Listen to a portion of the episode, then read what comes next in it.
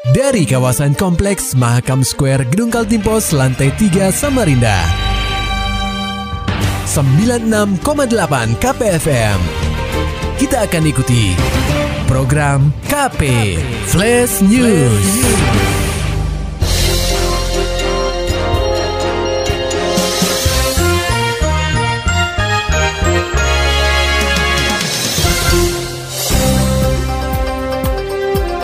Pendengar KP, kurang lebih 20 orang yang bekerja di KPU Samarinda positif COVID-19.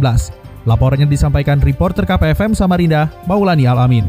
Pendengar KP, terdapat kurang lebih 20 orang di KPU Samarinda yang terkonfirmasi positif COVID-19 usai perayaan Pilkada serentak 2020.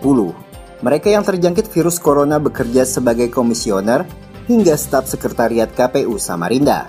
Ketua KPU Samarinda Firman Hidayat mengatakan, para komisioner dan staf di KPU yang positif COVID-19 mengalami gangguan kondisi kesehatan, seperti tidak enak badan.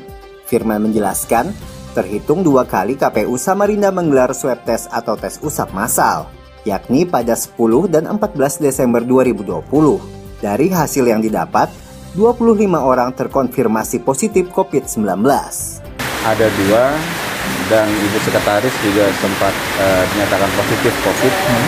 Tapi per hari ini tadi sekretaris sudah menyatakan sembuh dan negatif, begitu juga dua komisioner yang lain.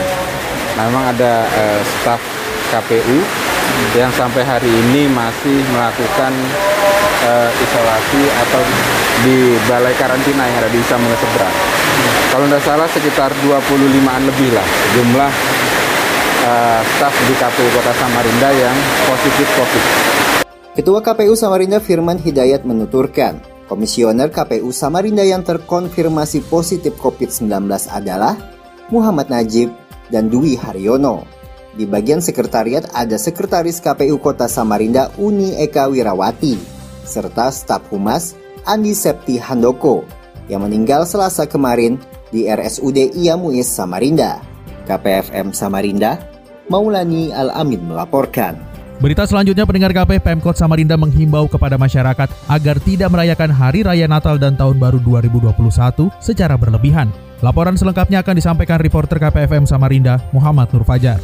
Pendengar KP, Wali Kota Samarinda, Syahri Yaang, menerbitkan surat edaran bernomor titik 2 360 garis miring 1528 garis miring 300 tentang penegakan protokol kesehatan pada Hari Raya Natal 2020 dan Tahun Baru 2021 yang dikeluarkan pada Senin 21 Desember 2020. Dalam surat edaran tersebut, orang nomor satu di kota tepian ini menuturkan Pihaknya meminta agar para pelaku usaha seperti tempat hiburan malam, kedai kopi di Citra Niaga dan pedagang kaki lima di tepian Mahakam untuk menutup sementara waktu operasionalnya saat malam tahun baru.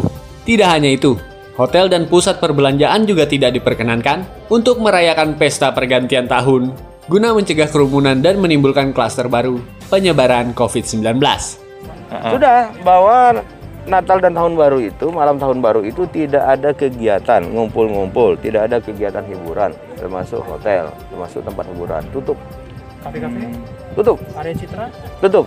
Tepi Makam? Tutup. Di Juanda juga? Tutup. Semua. Semua Tertuang dalam surat edaran juga, Pak? Sudah. Sudah. Oh, iya. Oh, belum dapat? Belum dapat, Wah.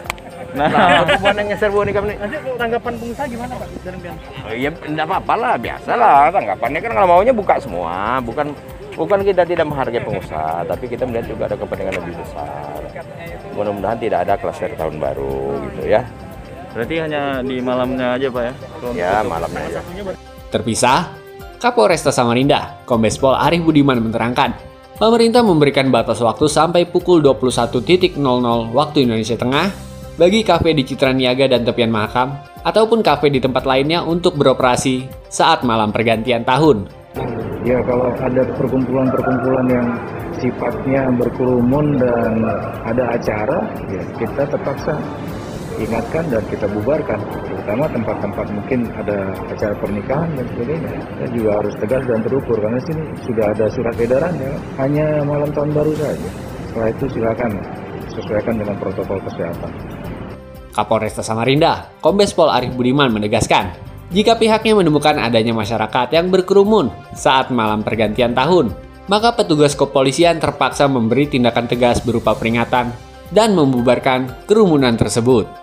KPFM Samarinda, Muhammad Nur Fajar melaporkan. Sementara itu pendengar KPFM, hasil Pilkada Samarinda 2020 telah keluar setelah KPU menggelar pleno rekapitulasi beberapa waktu lalu. Hasilnya, pasangan calon nomor urut 2 Andi Harun Rusmadi unggul dengan perolehan 102.592 suara. Hasil dalam pleno tersebut membuat calon wali kota nomor urut 3 Zairin Zain legowo menerima hasil Pilkada Samarinda 2020. Di hadapan para pendukungnya dan tim pemenangan, Zairin mengaku telah membatalkan gugatan yang dilayangkan ke Mahkamah Konstitusi atau MK.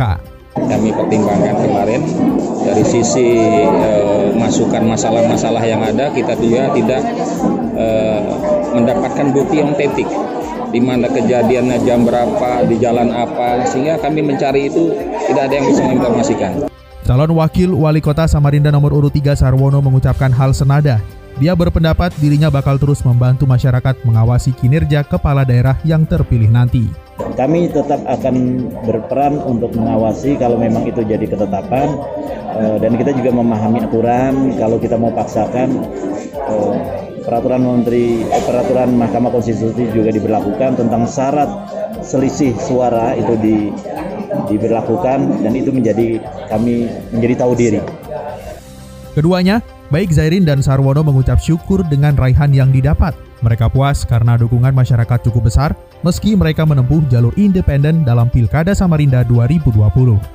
Berita selanjutnya pendengar KP Kantor Perwakilan Bank Indonesia Provinsi Kaltim terus mendukung budaya membaca di tengah masyarakat. Baru-baru ini, bank sentral tersebut meluncurkan On the Other Side of East Kalimantan, Nature, Culture and Creative Economy.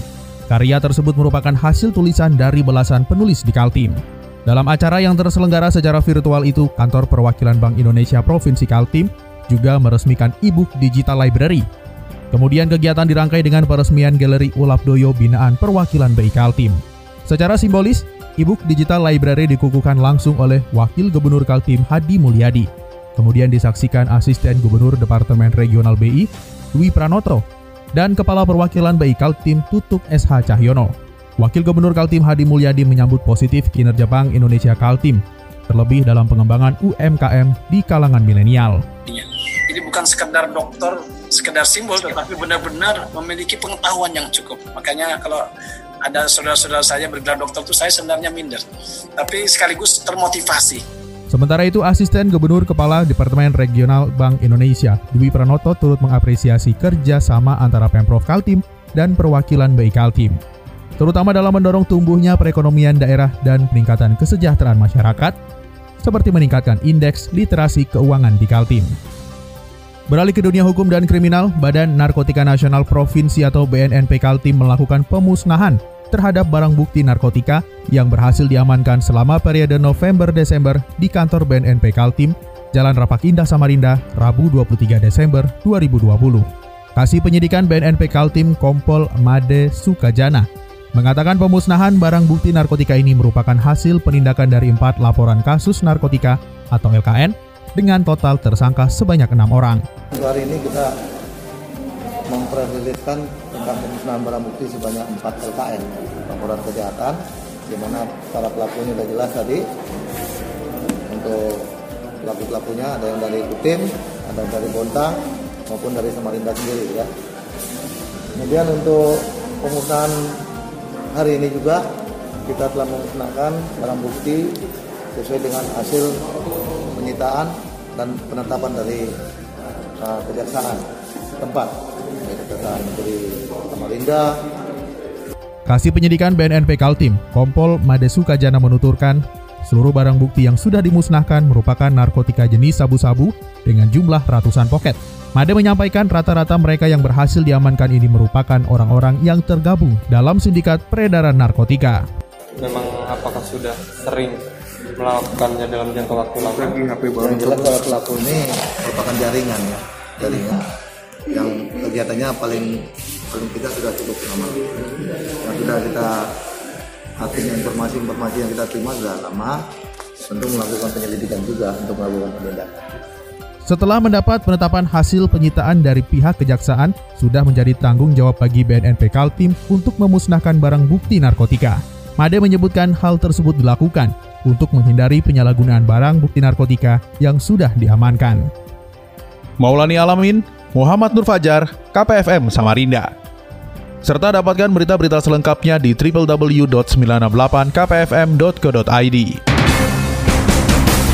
Demikian tadi telah kita simak rangkaian berita-berita yang terangkum dalam program KP Flash News. Persembahan dari 96,8 KPFM. Terima kasih dan sampai jumpa.